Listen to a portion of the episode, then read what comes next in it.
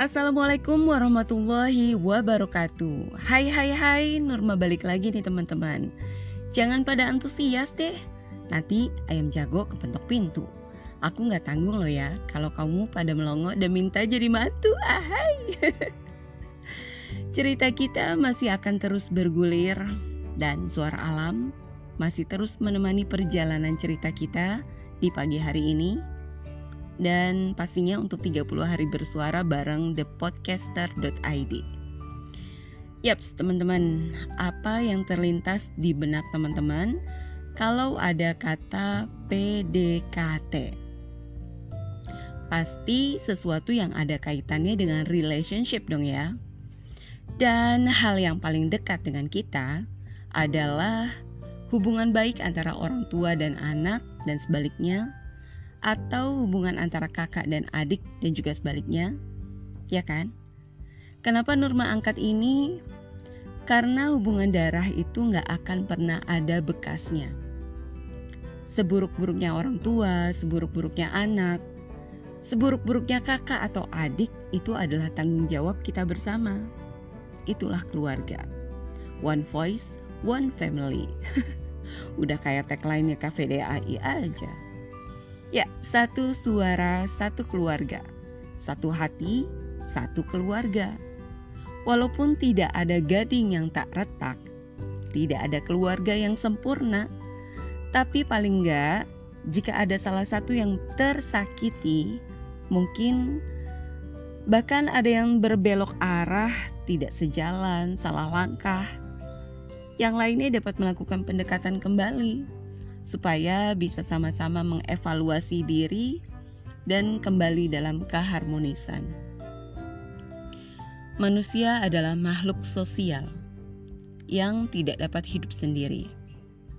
Kita perlu saling berinteraksi supaya dapat saling mengingatkan bila ada yang terlupa, ya kan?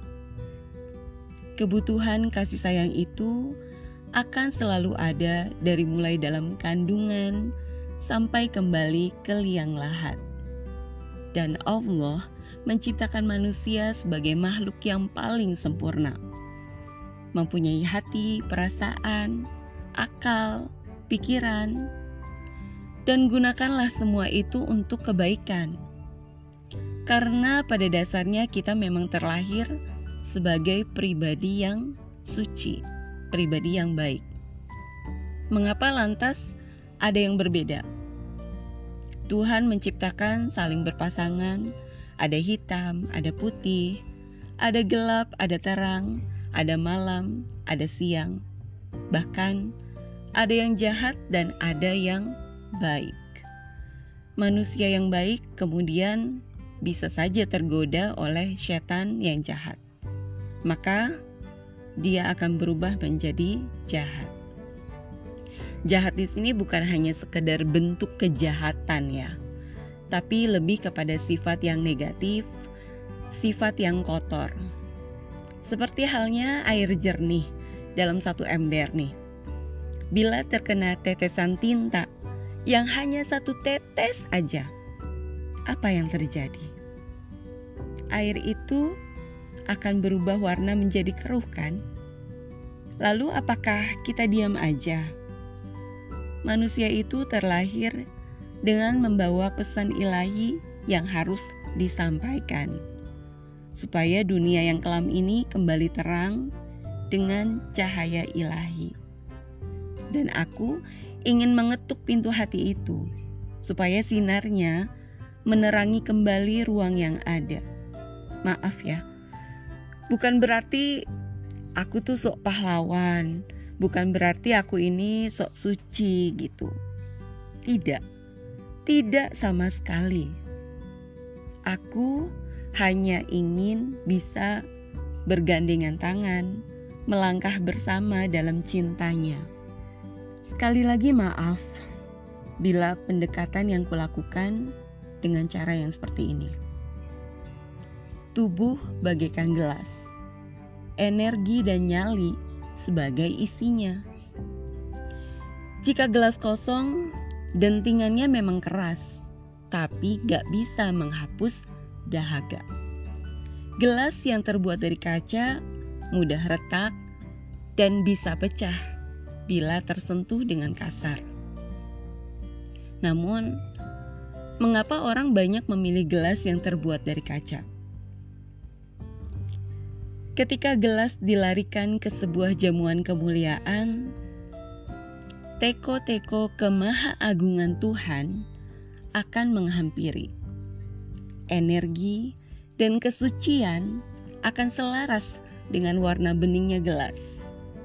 Pantulannya e, memamerkan ketulusan dan jauh dari hingar-bingar kepalsuan.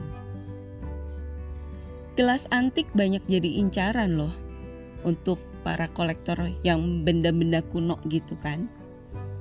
Mata yang jeli dapat melihat gelas tidak hanya sebagai tempat minum semata. Ya, tubuh kita bagaikan gelas. Maka kosongkan gelas untuk mendapatkan ilmu yang bermanfaat. Artinya dapat menyerap en energi positif yang tersebar di sekeliling kita. Untuk apa? Coba deh, basuhlah gelasmu dengan ketakwaan. Dengannya, jiwamu akan siap terisi oleh ilmu dan hikmah. Ketika ilmu dan hikmah telah terpenuhi, dahaga pada dunia akan sirna. Lalu, sifat-sifat ketuhanan akan menghiasi dinding rohanimu. Di saat gelas penuh, percikan tumpah airnya akan mengalir. Maka terbentuklah sungai yang mengairi pepohonan dan memberi minum manusia juga hewan. Semuanya akan bersyukur, tidak hanya kepada sang pengisi gelas, namun juga mencintai gelas itu karena sudah bersedia mengecipakan keberkahan bagi semesta. Lalu, apa yang menggerakkan itu semua? Allah adalah penggerak satu-satunya, dan kita hanya diminta untuk menjadi gelas yang kuat dan kokoh. Apakah itu berarti kita tidak perlu menjadi gelas yang terbuat dari kaca? Wallahu alam. Nah, teman-teman, orang yang kuat adalah yang di hatinya penuh dengan cinta.